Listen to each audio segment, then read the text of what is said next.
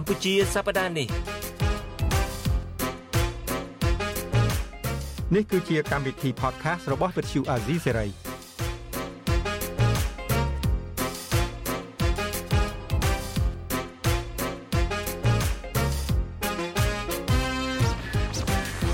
បាទសូមជម្រាបសួរលោកនាងកញ្ញាជាទីមេត្រីហើយជម្រាបសួរពូលីបាទជម្រាបសួរបងជួនច័ន្ទបុតជម្រាបសួរលោកនាងអ្នកស្ដាប់វិទ្យុអេស៊ីសេរីទាំងអស់ជាទីមេត្រីហើយជម្រាបសួរបងអូនតាក់មីងហៀង បាទហើយខ្ញុំបាទក៏សូមជម្រាបសួរលោកតាក់មីងហៀងពីចម្ងាយដែរបាទបាទសូមជម្រាបសួរពីទីក្រុងមកបិទដោយសារតែដៃមួយខាងកាន់ mobile phone ដូច្នេះខ្ញុំ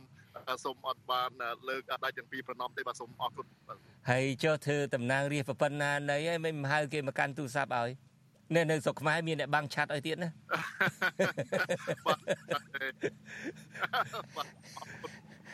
អញ្ចឹងមានប្រជុំសភាគឺមកតែម្នាក់ឯងទៀតសូមអរគុណបាទអញ្ចឹងតែអាចអាចមានន័យថាតំណាងរាស្ត្រនៅអូស្ត្រាលីតំណាងរាស្ត្រមរៀលមរៀលទេតំណាងរាស្ត្រស្រុកប្រជាធិបតេយ្យបាទលោកនាងកញ្ញាជាទីមេត្រីនិយាយលេងនិយាយសើចអីនៅក្នុងនីតិ podcast របស់ Vithu Azizi ស្រីប្រចាំសប្តាហ៍នេះយើងមានវាគ្មិនកិត្តិយសមួយរូបគឺលោកតាក់មេងហៀងលោកតាក់មេងហៀងគឺជាជនជាតិខ្មែរមកតាំងលំនៅនៅប្រទេសអូស្ត្រាលីនេះតាំពីក្មេងមកក៏ប៉ុន្តែគាត់ចូលរួមក្នុងសហគមន៍ខ្មែរនឹងច្រើនคล้ายទៅជាពលរដ្ឋសកម្មម្នាក់នៅឯប្រទេសអូស្ត្រាលីនេះហើយខំកសាងខ្លួនរហូតបានជាប់ឆ្នោតคล้ายទៅជាសមាជិកសភានៅប្រទេសអូស្ត្រាលីនេះ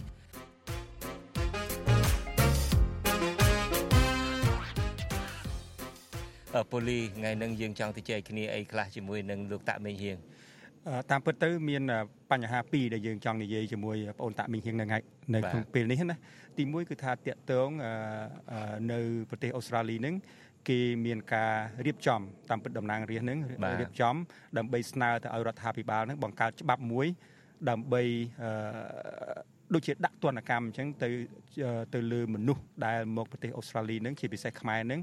ដែលមកបង្កើតបញ្ហាបំបែកបំបាក់សមាគមនឹងហើយបង្កើតបញ្ហាសម្រាប់ប្រជាពលរដ្ឋខ្មែរនៅក្នុងបង្កើតបញ្ហាផងគំរាមកំហែងដល់ប្រជាពលរដ្ឋខ្មែរអូស្ត្រាលីនៅប្រទេសអូស្ត្រាលីហើយមិនមែនពលរដ្ឋខ្មែរសាមញ្ញធម្មតាទេដែលមកបំបែកបំបាក់សហគមន៍នេះគឺជាភ្នាក់ងាររបស់រដ្ឋាភិបាលក្រុងភ្នំពេញឬមួយក៏និយាយឲ្យចំទៅគឺថាជាបពពួករបស់លោកហ៊ុនសែនបាទហើយក្រៅទៅពីនឹងទេយើងក៏ចង់ទៅជែកគ្នាបញ្ហាមួយទៀតនេះមេងហៀងដែលហេតុតែក្មួយជាតំណាងរាជជាអ្នកនយោបាយនៅឯប្រទេសអូស្ត្រាលីហ្នឹងពូចង់ទៅជែកគ្នាអំពីរឿងអំពីអាវប្បធម៌បន្ទោសអ្នករងគ្រោះនៅស្រុកខ្មែរយើងយើងដឹងហើយគឺថាយើងចូលចិត្តបន្ទោសអ្នករងគ្រោះ ជាជាងបន្ទោសអ្នកដែលធ្វើបាបប៉ុន្តែឥឡូវនេះយើងទៅជែកគ្នាអំពីរឿងថាតើនៅប្រទេសអូស្ត្រាលីនេះបន្ទាប់ពីមានការជជែកពិភាក្សានៅក្នុងសភាថ្មីថ្មីនេះហើយគេបានលើកបញ្ហាកម្ពុជានឹងជាឧទាហរណ៍ជាក់ស្ដែងផងតើមេហៀងអាចមានអីអាចជួយពន្យល់ឲ្យខ្វះក្បាយជាងនឹងបានទេហេតុអីបានជា ខាងសភាអូស្ត្រាលីខាងជាអ្នកមុខអ្នកការអូស្ត្រាលីនឹងហាក់ដូចជាយកចិត្តទុកដាក់អំពីបញ្ហានឹងម្លេះបាទ អឺបាទសូមអរគុណពូជួនច័ន្ទបុតហើយនិងបងពូលីនៅក្នុងនៃនេះគឺមិនមែនគ្រាន់តែសភាអូស្ត្រាលីនឹងយកចិត្តទុកដាក់ពីរឿងខ្មែរយើងនោះទេក៏ប៉ុន្តែសភាអូស្ត្រាលីគឺយកចិត្តទុកដាក់ចំពោះប្រជាជនអូស្ត្រាលីតែម្ដងដោយសារតែប្រជាជនខ្មែរយើងដែលរស់នៅក្នុងប្រទេសអូស្ត្រាលីនេះសរុបមានជាងប្រមាណជា30000នាក់ហ្នឹងតួលេខវាអាចច្រើនជាងនឹងបន្តិចបន្តួចហ្នឹង គឺបានសេចក្តីថាបើកាលណាយើង ជាប្រជាជនដើមកំណើតខ្មែរក៏មានពិតក៏ប៉ុន្តែមានសញ្ជាតិអូស្ត្រាលី គឺយើងត្រូវទទួលបាននៅការគាំពៀនៅការការពារហើយនឹងការលើកទឹកចិត្តនៅក្នុងការរស់នៅ ក្នុងរបៀបសុខដុមរមនាហើយការទំនាក់ទំនងការចូលរួមនៅក្នុងសកម្មភាព សង្គមដូចជាការថែរក្សាវប្បធម៌អរិយធម៌របស់ដើមកំណើតរបស់ផងខ្លួនហ្នឹង គឺរដ្ឋាភិបាលអូស្ត្រាលីបានចំណាយថវិកាធ្វើគោលការណ៍នយោបាយ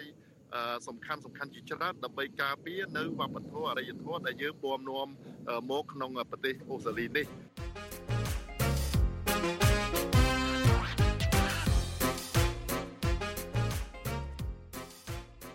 គេលើកឡើងអំពីប្រទេសកម្ពុជានេះពីព្រោះឃើញថាហាក់ដូចជាក្រម ដែលជាកប៉ាល់ហោះមករួចឲ្យបែងចែកតំបន់ប្រទេសអូស្ត្រាលីនេះទៅជា7 region ដែលខ្មែរយើងហៅថាភូមិភាគឬមួយក៏អីហ្នឹងគឺជារឿងដែលគួរឲ្យខ្មាស់អៀនមែនទែនពីព្រោះថាដេញពួកគាត់មានកិច្ចការអីដែលមានបណ្ដាស័កមានបុណ្យស័កខ្លះពាក់ផ្កាយ2ផ្កាយ3អីមកពាក់ផ្កាយប្រងព្រាតអីនៅក្នុងប្រទេសអូស្ត្រាលីនេះវាជារឿងមួយដែលมันធ្លាប់មានឡើងពីមុនមកខ្ញុំ បានចូលរួមសហគមន៍ជាច្រើននៅក្នុងនាមជាសមាជិកសភាឬមួយក៏តាំងតែពីខ្ញុំនៅជាក្រុមប្រឹក្សាគុំសង្កាត់ហើយធ្លាប់ធ្វើចវាយក្រុងនោះយើងអត់ដែលឃើញអញ្ចឹងទេទៅចូលរួមកម្មវិធីផ្សេងផ្សេងទៀតរហូតទៅដល់សហគមន៍ធំធំដូចជាសហគមន៍ចិនសហគមន៍អីដែលដឹងថាវាពិតប្រាកដហើយការចេះឥទ្ធិពលទៅលើវប្បធម៌ឬក៏ការអឺទំនាក់ទំនងពាណិជ្ជកម្មទំនាក់ទំនងប្រជាជនទៅប្រជាជននោះវាមានប្រទេសណាក៏មានដែរក៏ប៉ុន្តែ គេកត់សម្គាល់ឃើញថាខ្មែរយើងវាហាក់ដូចជាហ៊ានជាងគេអឺពេលមានពាក់អាវមានពាក់អាវទេវតាពាក់អាវអីចឹងទៅដែលជារឿងអឺមួយដែលតាក់ទាញនៅអាញាធរនៅទីនេះផងហើយនឹងធ្វើឲ្យប្រជាជនខ្មែរយើងដែលមកតាំងទីលំនៅនៅទីនេះមានហាក់ដូចជាមានភាពអឺមិនសบายចិត្តដូច្នេះហើយបានជាតាក់ទាញរហូតទៅដល់អាញាធរហើយនឹងបើមានមែនតើនោះមួយទៀតហ្នឹងគឺការដែលលើកឡើង អំពីសកម្មភាពរបស់អ្នកជីកប៉ាល់ហោះម៉ោនៅក្នុងសភាជាតិអូស្ត្រាលីនេះគឺមិនមែនជារឿងមួយពីលេងលេងស្រាលស្រាលនោះទេពូបាទ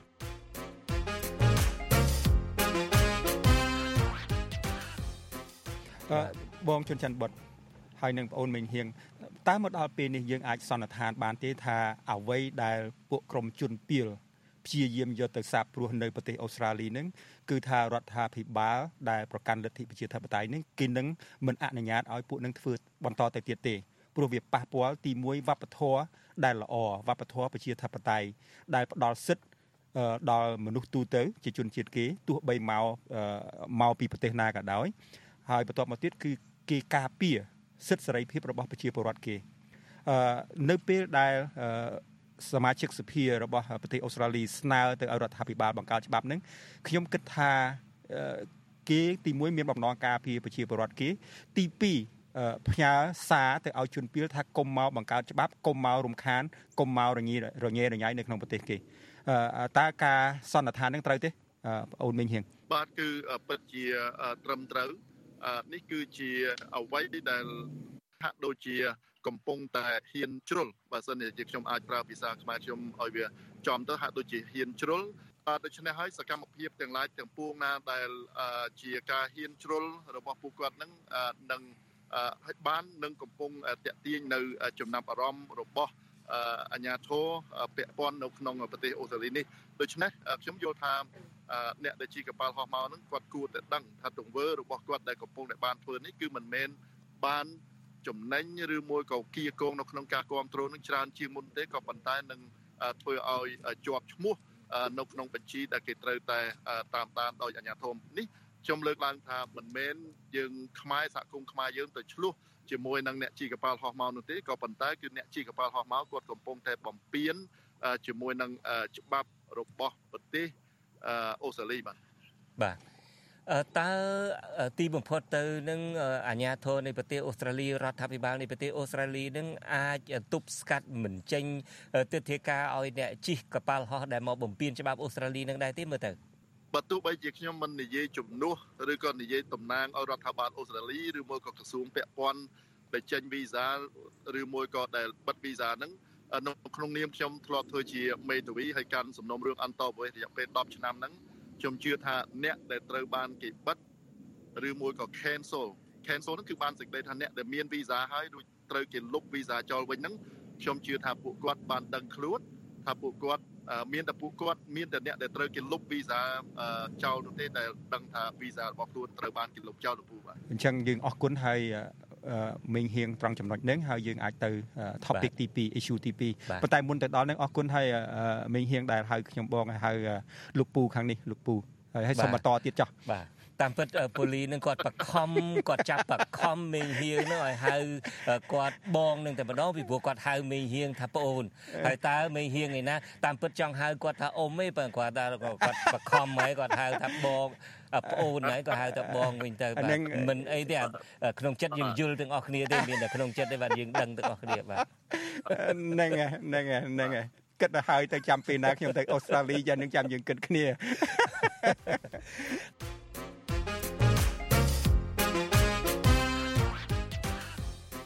បាទអ្វីដែលខ្ញុំចង់ទៅជែកបន្តមកទៀតនេះខ្ញុំពីអ្នកពូលីនេះដែលជាមេដឹកនាំនៅក្នុងកម្មវិធីផ្សាយរបស់អាស៊ីសេរីពីរអ្នកនេះយើងតែងជជែកគ្នាហើយមានការព្រួយបារម្ភខ្លាំងណាស់ចំពោះអ្វីដែលកំពុងតែកើតមានឡើងនៅប្រទេសកម្ពុជាហើយអ្វីដែលយើងចាប់អារម្មណ៍មួយនោះគឺវប្បធម៌បន្ទោសជនរងគ្រោះនឹងតែម្ដងអ្វីដែលយើងចង់យកមកជជែកពេលនេះយើងដឹងហើយនៅស្រុកខ្មែរយើងនឹងអឺ ហាក់ដូចជាមានវប្បធម៌មួយបន្ទោសជនរងគ្រោះនឹងជានិច្ចមិនសូវទៅបន្ទោសអ្នកដែលជន់ដៃដល់អ្នកដែលធ្វើទុកបុកម្នេញលើគេទេឧទាហរណ៍យើងឃើញថ្មីថ្មីនេះនៅពេលដែលលោកនាយករដ្ឋមន្ត្រីហ៊ុនសែននឹងដេញចាប់ដេញចងសកម្មជននយោបាយដែលជាសិទ្ធិនយោបាយរបស់ពួកគាត់សោះហ្នឹងគេមិនអ្នកបន្ទោសរឿងបន្ទោសហ៊ុនសែនហ្នឹងក៏បន្ទោសហើយក៏ប៉ុន្តែនៅមានអ្នកខ្លះដែលបន្ទោស មេដឹកនាំនៃគណៈបកប្រឆាំងទៅវិញថាមកពីមេដឹកនាំគណៈបកប្រឆាំងនឹងហើយនាំប្រឆាំងចេះទៅនាំប្រឆាំងចុះទៅដែលធ្វើឲ្យអ្នកគ្រប់គ្រងនឹងគ្រប់គ្រងតាមចឹងទៅបានធ្វើឲ្យលោកនាយករដ្ឋមន្ត្រីហ៊ុនសែនចាប់បាទលោកបុត្រកែមលីត្រូវគេបាញ់សម្លាប់ មិនអ្នកបន្ទោសអ្នកសម្លាប់នឹងក៏បន្ទោសហើយក៏នៅមានមនុស្សមួយចំនួនទៀតថាមកពីអឺអ្នកកសែតនឹងហើយដែលហ៊ានសួរសំណួរដល់ដល់ដល់លោកបណ្ឌិតកែមលីអីជាដើមនឹងដែលធ្វើឲ្យគាត់ឆ្លើយមកហើយធ្វើឲ្យគេសម្លាប់ហើយយើងដឹងហើយលោកតាក់មេហៀងក៏ធ្លាប់ស្គាល់លោកបណ្ឌិតកែមលីហើយយើងទាំងអស់គ្នានេះស្គាល់លោកបណ្ឌិតកែមលីលោកបណ្ឌិតកែមលីទប់គាត់ឯណាជាប់អាស៊ីសេរីនឹងមានតែហាមគាត់ កុំឲ្យគាត់ហ៊ានពេកកុំឲ្យគាត់មានប្រសាសន៍ត្រង់ត្រង់ពេកពេលខ្លះយើងមិនអញ្ជើញគាត់មកដើម្បីឲ្យគាត់ឡើងមកនិយាយបងបកស្រាយអីទេខ្លាចគេធ្វើទុកបុកម្នេញគាត់ក៏ប៉ុន្តែគាត់ខ្លួនគាត់គឺជាពលរដ្ឋសកម្មម្នាក់គឺជាមនុស្សម្នាក់ដែលចង់តែបកស្រាយដើម្បីឲ្យប្រជាពលរដ្ឋបានដឹងហើយយើងអ្វីដែលសំខាន់បងមិនមែនគាត់បកស្រាយគាត់ចង់បញ្ចេញសិទ្ធិរបស់គាត់បាទសិទ្ធិរបស់គាត់គាត់ត្រូវតែបញ្ចេញវាអត់មានវាអត់មានខុសទេហើយយើងក៏ឮសូរដែរប្រសាសន៍របស់គាត់គាត់ថាក្រោយការសម្ភាសម្ដងម្ដងគាត់មិនដែលគិតថានៅមានជីវិតទេក៏ប៉ុន្តែបើសិនជាគាត់មិននិយាយតើមានអ្នកណានិយាយតើមានអ្នកណាជាគំរូដល់យុវជននេះនឹងជាដើមអ្វីត្បិតតែទាំងអស់គ្នានឹងឮសូរភាសានឹងផ្ទាល់ចេញពីលោកបណ្ឌិតកែមលីហើយក៏ដោយចុះក៏នៅមានអ្នកខ្លះឆ្លៀតបន្ទោសដល់អ្នកដែលសួរអ្នកដែលកសែតនឹងដែរហើយបើសិនជាយើងពិនិត្យមើលនៅក្នុងសង្គមយើងទៅវិញវាឆ្លោះបញ្ចាំងតាមរយៈអសរសាស្ត្រអីទៅវិញរឿងការកីអីជាដើមយើងទាំងអស់គ្នាអ្នកណាក៏ដោយដែលផិត ក្បត់ប្តីអីគេនាំគ្នាថាជាស្រីកាកៃអីជាដើមហើយយើងដឹងហើយស្រីកាកៃស្រីកាកៃជាជនរងគ្រោះម្នាក់របស់ស្ដេចព្រហ្មទត្តដែលការមកហើយនឹងមិនយកចិត្តទុកដាក់ទេមិនថែទេមួយថ្ងៃមួយថ្ងៃនឹងទៅលេងសើចអីជាមួយនឹងលបែងបាសកាជាមួយស្ដេច គ្រុតស្ដេចអីអីនឹងជាដើមអីចឹងទៅរហូតដល់ស្ដេចគ្រុតឃើញចឹងទៅក៏អាណិតទៅក៏បបោសលួងលោមទៅក៏ចាប់បង្រត់យកទៅអីចឹងទៅដូច្នេះនាងកាកៃនឹងគឺជាជនរងគ្រោះម្នាក់ របស់ស្ដេចព្រហ្មទត្តក៏ប៉ុន្តែទីបំផុតវាដកជាប់នៅក្នុង ភាសាសង្គមរបស់យើងនឹងគឺថាជាស្រីកាកៃមានន័យថាស្រីផិតប្តីអីចឹងដូច្នេះអវប្បធម៌នៃការបន្ទោសជនរងគ្រោះនឹងហាក់ដូចជាដិតជាប់នៅក្នុងខួរក្បាលរបស់ខ្មែរយើងតែម្ដងតើយើងធ្វើបែបណាដើម្បីឲ្យប្រជាពលរដ្ឋយើងនឹងលែងប្រកាន់យកអវប្បធម៌បន្ទោសជនរងគ្រោះនឹងហើយតើនៅប្រទេសអូស្ត្រាលីវប្បធម៌គេនឹងមានអវប្បធម៌បន្ទោសជនរងគ្រោះដូចខ្មែរយើងនឹងដែរទេមេហៀងនៅនៅប្រទេសអូស្ត្រាលីនេះអឺតាមអឺទម្លាប់គឺអាញាធរជាអ្នកទទួលខុសត្រូវខ្ញុំគ្រាន់តែចង់លើកឡើងត្រង់ចំណុចលោកគ្រូបានលើកឡើងនេះគឺជាអ្វីដែលយើងបានបានឃើញក៏ប៉ុន្តែមិនដឹងថាត្រូវ ចាប់ផ្ដើមពីការធ្វើបដិវត្តវប្បធម៌របស់យើងឬមួយក៏ខិតខំប្រឹងប្រែងដើម្បីព្យាយាមឲ្យសហគមន៍ខ្មែររបស់យើងបានយល់ក៏ប៉ុន្តែប្រធានបទដែលលោកពូលើកឡើងចំណុចបំបញ្ញមួយនេះគឺមានសារៈសំខាន់ណាស់ដែលខ្ញុំយល់ថាគឺជាការបញ្ញាក់នៅស្មារតីនៅការគិតផ្នត់គំនិតរបស់សហគមន៍ខ្មែរយើងខ្ញុំលពូចាំច្បាស់នៅក្នុងទីក្រុងមែលប៊ននេះនៅក្នុងឆ្នាំម្ដុំជា 2018គឺនៅពេលហ្នឹងគឺមានមេដឹកនាំសហជីពមួយរូបដែលគាត់នៅប្រទេសកម្ពុជានៅឡើយហ្នឹងគាត់បាននិទានរឿងឧទាហរណ៍ដូចជាស្ត្រីវ័យក្មេងម្នាក់គាត់ស្លៀកខ្លីគាត់អីអញ្ចឹងទៅរួចគាត់ដើរយប់អីអញ្ចឹងទៅហើយក៏ជួបនៅរឿងឧបទ្ទវហេតុដូចជាមានការប្រមាថទៅដល់រូបរាងកាយរបស់គាត់អីអញ្ចឹងទៅហើយអ្នកស្រុកគាត់អត់បន្ទោសអ្នកដែលដាយដល់ទេគាត់បែរជាបន្ទោសថាមិនបាត់ដើរយប់ហើយតែមិនស្លៀកខ្លីឲ្យដើរយប់អីអញ្ចឹងទៀតអឺ កន្លែងហ្នឹងគឺតបញ្ជាក់យ៉ាងច្បាស់នៅសំណួររបស់លោកពូខាងយើងនៅក្នុងប្រទេសអូស្ត្រាលីនេះខ្ញុំជឿជាក់ថាมันអត់សោះនោះទេក៏ប៉ុន្តែបើសិនជាមេដឹកនាំសហគមន៍ឬមួយក៏អ្នកនយោបាយជាពិសេសនឹងខាង academic គឺអ្នកដែលនៅក្នុងវិស័យអប់រំហ្នឹងគឺគាត់បានយកចិត្តទុកដាក់ហើយខ្ញុំយល់ថាផ្នត់គំនិតនៅក្នុង ប្រទេសអូស្ត្រាលីនេះវាមិនអត់សោះនោះទេក៏ប៉ុន្តែបើសិនជាយើង victimize បានន័យថាយើងបន្ទោសទៅដល់អ្នករងគ្រោះហ្នឹងគឺមិនបង្ហាញនៅភាពជាអ្នកដឹកនាំហើយក៏មិនបង្ហាញនៅភាពជាអ្នកដែលកាច់ចង្កូតប្រទេសទាំងមូលនោះទេពូបាទ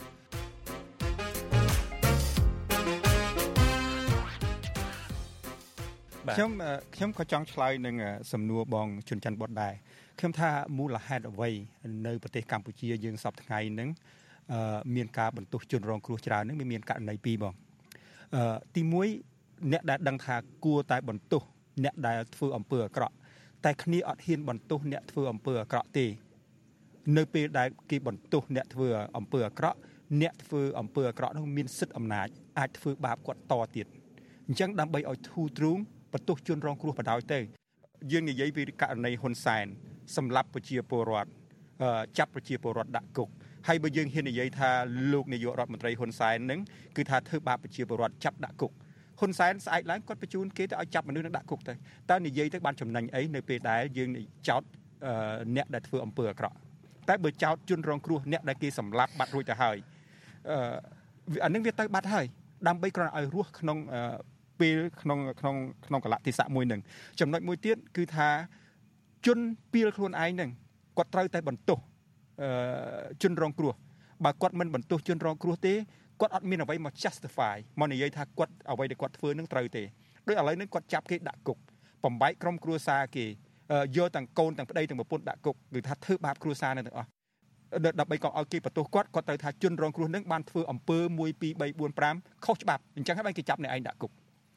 ចំពោះកតាជឿនពៀលជឿនដៃដល់ទៅវិញខ្ញុំមិនអឺមានអីសុំនិយាយណាក៏ប៉ុន្តែចំពោះថាពីយើងជាប្រជាពលរដ្ឋវិញយើងឃើញអំពើនឹងហើយ ហើយទីបំផុតទៅដើម្បីឲ្យរួចខ្លួនឬមួយដើម្បីឲ្យធូរទ្រូងយើងចេះតែនិយាយទៅយើងបន្ទោសជនរងគ្រោះទៅដើម្បីកុំឲ្យគេធ្វើបាបខ្លួនឯងអានឹងងាកដល់សម្ដីរបស់លោកបណ្ឌិតកែមលីទៀតហើយបណ្ឌិតកែមលីមានប្រសាសន៍ពីរថាសូមនិយាយការពិតកុំនិយាយការពារហើយបើសិនជាខ្លួនអត់ហ៊ាននិយាយក៏ដោយចុះមិនធ្វើអីក៏ដោយចុះគង់តែថ្ងៃកណាមួយគង់តែរងគ្រោះដដែលហ្នឹង អានឹងសម្ដីហ្នឹងក៏ក៏ខ្ញុំគ្រប់គ្រងដែរទោះបីនិយាយក៏គេនឹងធ្វើបាបបើមិននិយាយក៏គេនឹងធ្វើបាបអញ្ចឹងការនិយាយការប្រតិកម្មអីមួយចំនួនគឺថាដើម្បីផ្សងព្រៀងទេអញ្ចឹងងាកចុះងាកឡើងគឺថាការគៀបសង្កត់ការនិន្ទាឈ្នានេះការធ្វើបាបប្រជាពលរដ្ឋការបង្កើតច្បាប់ដើម្បីគៀបសង្កត់ប្រជាពលរដ្ឋនឹងធ្វើឲ្យមនុស្សអត់ដឹងខុសអត់ដឹងត្រូវហើយធ្វើមិនដើម្បីរកទៅរស់ណា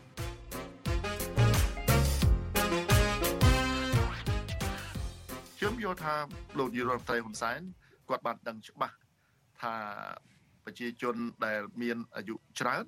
អឺគឺបានយល់ច្បាស់អំពីសិទ្ធិរបស់គាត់ច្រើនជាងមុនក៏ប៉ុន្តែថាតើគាត់នឹង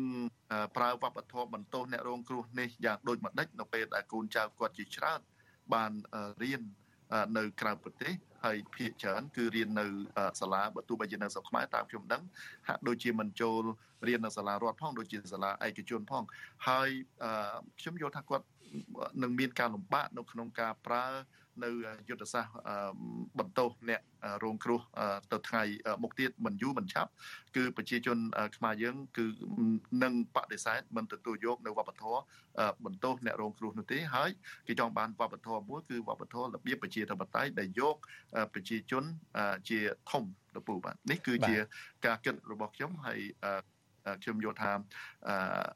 ដ្ឋាភិបាលឬក៏របប autocracy ណា មួយក៏ដោយដូចជានៅប្រទេសកម្ពុជានឹងប្រកាសជាមានការលំបាកយូរអង្វែងនៅក្នុងការ suppress នៅក្នុងការគៀបសង្កត់សង្កត់នៅផ្នត់គំនិតរបស់ប្រជាពលរដ្ឋរបស់ខ្លួនបងជួនច័ន្ទបុតខ្ញុំសូមបន្ថែមមួយចំណុចទៀតក្រៅការក្រៅពីការគៀបសង្កត់បន្ទុះជនរងគ្រោះនឹងអ្វីមួយទៀតដែលយើងឃើញថារដ្ឋាភិបាលបច្ចុប្បន្នកំពុងធ្វើនេះគឺថាគេទិញទឹកចិត្តមនុស្ស ដែលអត់មាននិន្នាការឬក៏មានការបន្ទោសជនរងគ្រោះនឹងដើម្បីឲ្យជួយបន្ទោសមិនអញ្ចឹងយើងយើងយើងឃើញមកបដាយបដាហើយជាពិសេសអ្នកដែលធ្លាប់ចូលរួមជាសកម្មជនរបស់គណៈបកប្រឆាំងធ្លាប់អបអរសាទរធ្លាប់គិតថាអ្វីដែលខ្លួនធ្វើនឹងត្រូវប៉ុន្តែទីបំផុតទៅទៅចូលជាមួយគេទៅហើយចាប់ដើមបន្ទោសអតីតអឺ colleague របស់ខ្លួនមិត្ត រួមសុខរួមទុកជាមួយគ្នាហ្នឹងណាថាដោយខាងមានការបង្ខំអញ្ចឹងខ្ញុំគិតថាចំពោះក្រមអ្នកដឹកនាំបែបផ្ដាច់ការគឺថាគេរវិធីសពបែបសពយ៉ាងទាំងអស់បូករួមទាំងវប្បធម៌បន្ទោសហ្នឹងជនរងគ្រោះហ្នឹងមកធ្វើដើម្បីគេកេងចំណេញផលប្រយោជន៍របស់គេសួរថាតើប្រជាពលរដ្ឋខ្មែរយើងភាគច្រើនជឿឬមិនជឿ ទទួលបានឬមិនទទួលបានអានឹងគឺថាគេអត់ខ្វល់ផងហ្នឹងគេធ្វើមិនដើម្បីក្នុងរយៈពេលហ្នឹងគេយកប្រព័ន្ធតុលាការមកគៀបសង្កត់ធ្វើបាបពួកនឹងបន្ថែមបើមិនជាជនណាហ៊ានងើបបំរាស់ បាទនឹងខ្ញុំគ្រប់គ្រងទាំងស្រុងចំណុចហ្នឹងអញ្ចឹងមកថាយើងលើកយកអាវប្បធម៌ជនបន្ទោសជនរងគ្រោះនឹងយកមកទៅចែកហ្នឹងពីព្រោះថាវាអាចមាន គ្រោះថ្នាក់ដល់សង្គមជាតិគ្រោះថ្នាក់ដល់សង្គមជាតិបែបណាឧទាហរណ៍ក្នុងការបោះឆ្នោតថ្មីថ្មីនេះគណៈបកភ្លើងទៀនត្រូវគេផាត់ចោលមិនអោយចូលប្រកួតប្រជែងក្នុងការបោះឆ្នោតទាំងអស់គ្នាដឹងហ្នឹង អ្នកដែលសិក្សាអ្នកដែលតាមដានស្ថានភាពនៅប្រទេសកម្ពុជាដឹងថាមកពីលោកនាយករដ្ឋមន្ត្រីហ៊ុនសែននឹងឃើញសន្ទុះនៃការគ្រប់គ្រងរបស់គណៈបកភ្លើងទៀនបើសិនជាចូលមកប្រកួតប្រជែងការបោះឆ្នោតទៅវាអាចនឹងបានកៅអីវាអាចមានសម្លេង20 30អាសនៈអីនៅក្នុងសភាអីចឹងទៅដែលធ្វើឲ្យទើសមុខទើសមាត់លោកនាយករដ្ឋមន្ត្រីហ៊ុនសែនដូច្នេះគាត់ត្រូវតែដកចោលមិនឲ្យគណៈបកនឹងចូលរួមក្នុងការបោះឆ្នោតអ្នកដែលសិក្សា អ្នកដែលឯករាជ្យមើលទៅឃើញជំហរនឹងក៏ប៉ុន្តែទីបំផុតអ្វីដែលលេះយើងទាំងអស់គ្នាដឹងហើយលេះដែលលោកហ៊ុនសែនមិនអោយគណៈបកភ្លើងទៀនចូលប្រកួតក្នុងការបោះឆ្នោតនឹងគឺថាមកពីខ្វះឯកសារឯកសារដើមបាទអ្វីដែលគេនិយាយតាមតុកកាហ្វេអ្វីដែលគេនិយាយនៅតាមបណ្ដាញសង្គម Facebook ហ្នឹងគេថាហួចចុះទៅធ្វើគណៈបកអីនឹងមកដឹងសង្ឃឹមថាដឹកនាំប្រទេសជាតិឯណាបានបើសូម្បីតែកដាស់ ចុះបញ្ជីមួយមួយសន្លឹកនឹងអត់រក្សាទុកបានផងដូច្នេះអានឹងវិជាការបន្ទោសជនហើយបើសិនជាយើងមើលមែនតើឧបមាតែបើសិនជាពួកគាត់នឹងគណៈបកភ្លើងទៀននឹងមានអាកដាស់នឹងទៅចុះឈ្មោះមែនតើលោកហ៊ុនសែននឹងអាចអត់អាចរកលេសអីទៀតទេមិនចឹងលេសមកលៀនទៀតមិនចឹងលេសថាលោករងឈុននឹងចេះលេសថាអនុប្រធានគណៈបកនឹងគឺលោកថៃសេដ្ឋានឹងវាមានរឿងចេះវាមានរឿងចុះទៅ ចេញក៏ស្រែកស្អុយអីចឹងទៅក៏កាត់ទោសយប់នឹងចឹងទៅមុនគេបិទថ្ងៃបោះឆ្នោតនឹងទៅ ហើយបង្ហាញថាមេគណៈបកនឹងគឺជាជនដែលត្រូវតឡាការកាត់ទោសចឹងជនអក្រិតអីចឹងទៅមិនមែនត្រឹមតែដកគណៈបកនឹងមិនឲ្យចូលរួមការបោះឆ្នោតទេអាចរំលាយគណៈបកភ្លើងទៀននឹងបានដូច្នេះការពិតនឹងវានៅត្រង់នឹងគឺថានេះគ្រាន់តែជាហេតុផលមួយទេ គ្រាន់តែជាហេតុផលមួយជាលេសប្រើពាក្យនេះវិញគ្រាន់តែជាលេសទេអាចមានលេសដតីទៀតបើសិនជាមានអាកដាស់ច្បាប់ដើមនឹងក៏ដោយចុះក៏គេនៅតែមិនអោយគណៈបកភ្លើងទៀនចូលអញ្ចឹងពីព្រោះថាមកពីគណៈបកភ្លើងទៀននឹងវាមានសន្ទុះអាចនឹងមានដណ្ដើមបានកៅអី20 30អីនៅក្នុងសភាអីនឹងអញ្ចឹងទៅអាហ្នឹងឯងដែលខ្ញុំគិតថាជាកត្តាមួយរងគ្រោះមែនទែនសម្រាប់ជនជាតិយើងសម្រាប់ប្រទេសជាតិដ៏អភ័ព្វរបស់យើងបើសិនជាយើងនៅតែមានអាដកជាប់នៅក្នុងក្បាលយើងនៅក្នុងអារម្មណ៍យើងនៅវប្បធម៌បន្ទោសជនរងគ្រោះហ្នឹង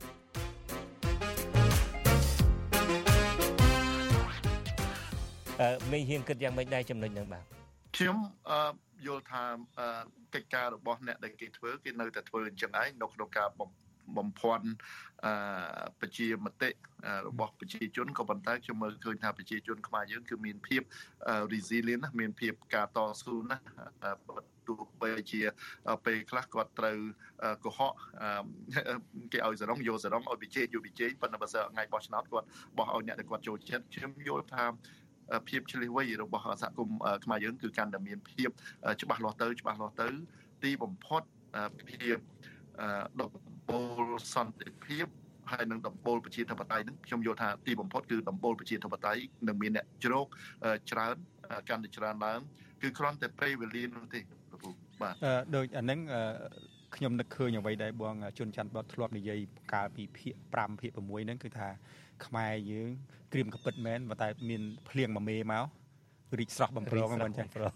អញ្ចឹងសេចក្តីសង្ឃឹមគឺថាយើងត្រូវតែសង្ឃឹម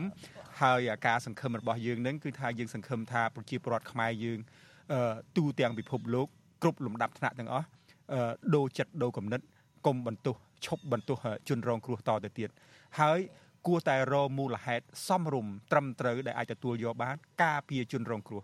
លើកទឹកចិត្តរងគ្រោះជនរងគ្រោះដើម្បីបន្តធ្វើអ្វីដែលល្អសម្រាប់គាត់ បាទការពិតទាំងពូលីនិយាយទាំងមេហៀងលើកឡើងនឹងផ្ដល់ការសង្ឃឹមច្រើនណាការពិតអ្វីត្បិតតែខ្ញុំធ្វើកសែតរាល់ថ្ងៃនេះគឺថាមិនចោះញោមទេ ក្រោមការគៀបសង្កត់ក្រោមការគំរាមកំហែងការជេរប្រមាថមាក់ងាយអីយ៉ាងណាក៏ដោយចុះក៏នៅតែមានចំហទៅមុខដែរក៏ប៉ុន្តែអ្វីត្បិតតែមានចំហអីយ៉ាងណាក៏ដោយចុះថ្ងៃខ្លះម្ដងម្កាលនឹងរៀង upset ដែរ រៀងអន់ចិត្តអន់ថ្លើមអន់ចិត្តអន់ថ្លើមខ្លះដែរប៉ុន្តែដូចករណីមិញអញ្ចឹងដូចករណីដូចករណីមិញមិញហៀងហៅខ្ញុំបងហៅយូពូអញ្ចឹងអន់ចិត្តអន់ថ្លើមអានឹងអានឹងអានឹងមិនអន់ចិត្តទេពីព្រោះយើងដឹងថាពូលីខ្លួនឯងទេអ្នកបខំតាក់មេងហៀងដើម្បីឲ្យតាក់មេងហៀងហៅបង ពីព្រោះថាយូ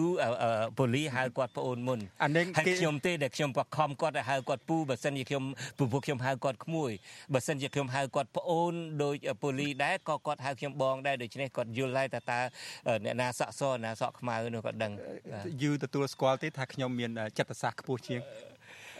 នមែនទេប្រើពាក្យចិត្តសាស្ត្រក៏បានប្រើពាក្យថាមានយុទ្ធវិធីមួយដើម្បីឲ្យមើលឃើញខ្លួនឯងនឹងក្មេងក៏ក៏ក៏ល្អដែរអញ្ចឹងថាកុំបន្ទោសជនជនរងគ្រោះអីបាទណែខ្ញុំខ្ញុំមិនបន្ទោសជនរងគ្រោះទេក្នុងករណីនឹងខ្ញុំដឹងថាខ្ញុំមិនមែនរងគ្រោះទេគាត់ថាខ្ញុំនិយាយការពិតជាជាងនិយាយការពីបាទអូខេ ហ្នឹងហើយខ្ញុំនឹងដូចខ្ញុំនិយាយយ៉ាងគឺថាយូរយូរម្ដងម្កាលនឹងលឺសូរការលើកទឹកចិត្តការ និយាយណាមួយដើម្បីឲ្យបង្ហាញថាដោយភាសារបស់មេហៀងលើកអញ្ចឹងថាប្រជាពលរដ្ឋខ្មែរ resilient មានន័យថាមើងម៉ាត់មិនចុះញោមនឹងអានឹងខ្ញុំស្វិតស្វាញនឹងខ្ញុំទទួលយកបាន ហើយខ្ញុំក៏ជឿដែរចំពោះភាសារបស់មេហៀងមានប្រសាសន៍មួយម៉ាត់នឹងថាទីបំផុតទៅប្រជាធិបតេយ្យនឹងនៅគង់វង្សហើយរបបផ្ដាច់ការរបបអូតូក្រាស៊ីនឹងទីបំផុតនឹងក៏នឹងរលំរលាយដែរខ្ញុំនៅតែមានក្តីសង្ឃឹមទៅលើប្រជាជនឬមួយក៏ប្រទេសកម្ពុជាដ៏រុងរឿងក្រោមដំបូលប្រជាធិបតេយ្យបាទនៅពេលខ្ញុំរំភើបបង នៅពេលដែលឮប្អូនមេងហៀងនិយាយអញ្ចឹងណាហើយខ្ញុំសង្ឃឹមថាថ្ងៃណាមួយប្អូនមេងហៀងនៅគាត់នឹងអាចមានកលៈឱកាសដូចយើងចង់បានដែរដើម្បីយើងត្រឡប់ទៅប្រទេសកម្ពុជាវិញទាំងអស់គ្នាហើយយើងនឹងរៀបចំវេទិកា podcast របស់យើងប៉ុន្តែបើកជាសាធារណៈអាចប្រជាពលរដ្ឋយើង មកមើលយើងមកស្ដាប់យើងមកឲ្យយោបល់យើងហើយមកគ្រប់គ្រងបញ្ចេញមតិហើយខ្ញុំសង្ឃឹមថាយើងទាំងអស់គ្នានឹងមានឱកាស បាទជាសេចក្តីសង្ឃឹមរបស់ខ្ញុំណាព្រោះអ្វីដែលបងអូនមានមេងហៀងបាននិយាយមកនោះគឺធ្វើឲ្យខ្ញុំមានការសង្ឃឹមច្រើនខ្ញុំក៏សប្បាយចិត្តដែរបានឮជាពិសេសចេញពីអ្នកនយោបាយដែលមានបទពិសោធន៍ម្នាក់អ្នកចូលរួមក្នុងសហគមន៍ដែលមានបទពិសោធន៍ម្នាក់អរគុណឲ្យហៀងដែលបានចូលមកធ្វើជាវាគ្មិនរបស់យើងក្នុងកម្មវិធី podcast ហើយបានផ្ដល់ទស្សនៈផ្ដល់ការមើលឃើញរបស់ មេហៀងចំពោះអនាគតប្រទេសកម្ពុជាហើយការដែលនៅតែជឿជាក់ទៅលើទឹកចិត្តប្រជាពលរដ្ឋយើងដែលធ្វើឲ្យយើងនៅមានសង្ឃឹម ដូច្នេះមេហៀងក៏មានការងារច្រើនឆ្លៀតឱកាសជាមួយយើងមុននឹងចូលប្រជុំពាក់កវ៉ាត់កពាក់អីផងណាអឺហើយសុំទោសផងពួកយើងរៀងដូចរៀងអាឡែអាឡាបន្តិចឯងពីព្រោះយើងធ្វើ podcast នឹងគឺជាឱកាសមួយដើម្បីឲ្យយើងបានអាឡែអាឡានឹងខ្លះទៅអ្នកខ្លះនឹងខំរិះគន់ពូលីឯផងលើកមុនលើឃើញពូលីឯលើកជើងឯហ្នឹងហើយសុំទោសផងកម្មវិធី podcast របស់យើងនឹងគឺថាយើងធ្វើឲ្យវាសាមញ្ញធ្វើឲ្យធម្មតាឲ្យសមនឹងទម្រង់កម្មវិធី podcast podcast របស់យើងបាទដូច្នេះសូមអរគុណដល់តាក់មេងហៀងដែលបានផ្ដល់ទស្សនៈជាថ្មីម្ដងទៀតឲ្យមានសង្ឃឹមផ្ដល់ទស្សនៈវិស័យរបស់មេងហៀងហើយសូមឲ្យមេងហៀងមានសុខភាពល្អហើយហើយយើងនឹងជួបគ្នានៅប្រទេសអូស្ត្រាលីឆាប់ឆាប់ខាងមុខនេះអរគុណមេងហៀងហើយជម្រាបលាបាទសូមបាទសូមអរគុណលោកពូសូមអរគុណបងសង្ឃឹមថានឹងជួបគ្នានៅក្នុងកម្មវិធីក្រោយៗទៀតហើយរងចាំស្វាគមន៍លោកពូច័ន្ទបុតនៅទឹកដីមែលប៊ន ទឹកដីប្រជាធិបតេយ្យដូចគ្នាផងដែរបាទបាទបាទបាទដូច្នេះខ្ញុំបាទសូមអរគុណតាក់មីហ៊ីម្ដងទៀតហើយសូមអរគុណលោកនាងកញ្ញាយើងនឹងជួបគ្នាក្នុងកម្មវិធី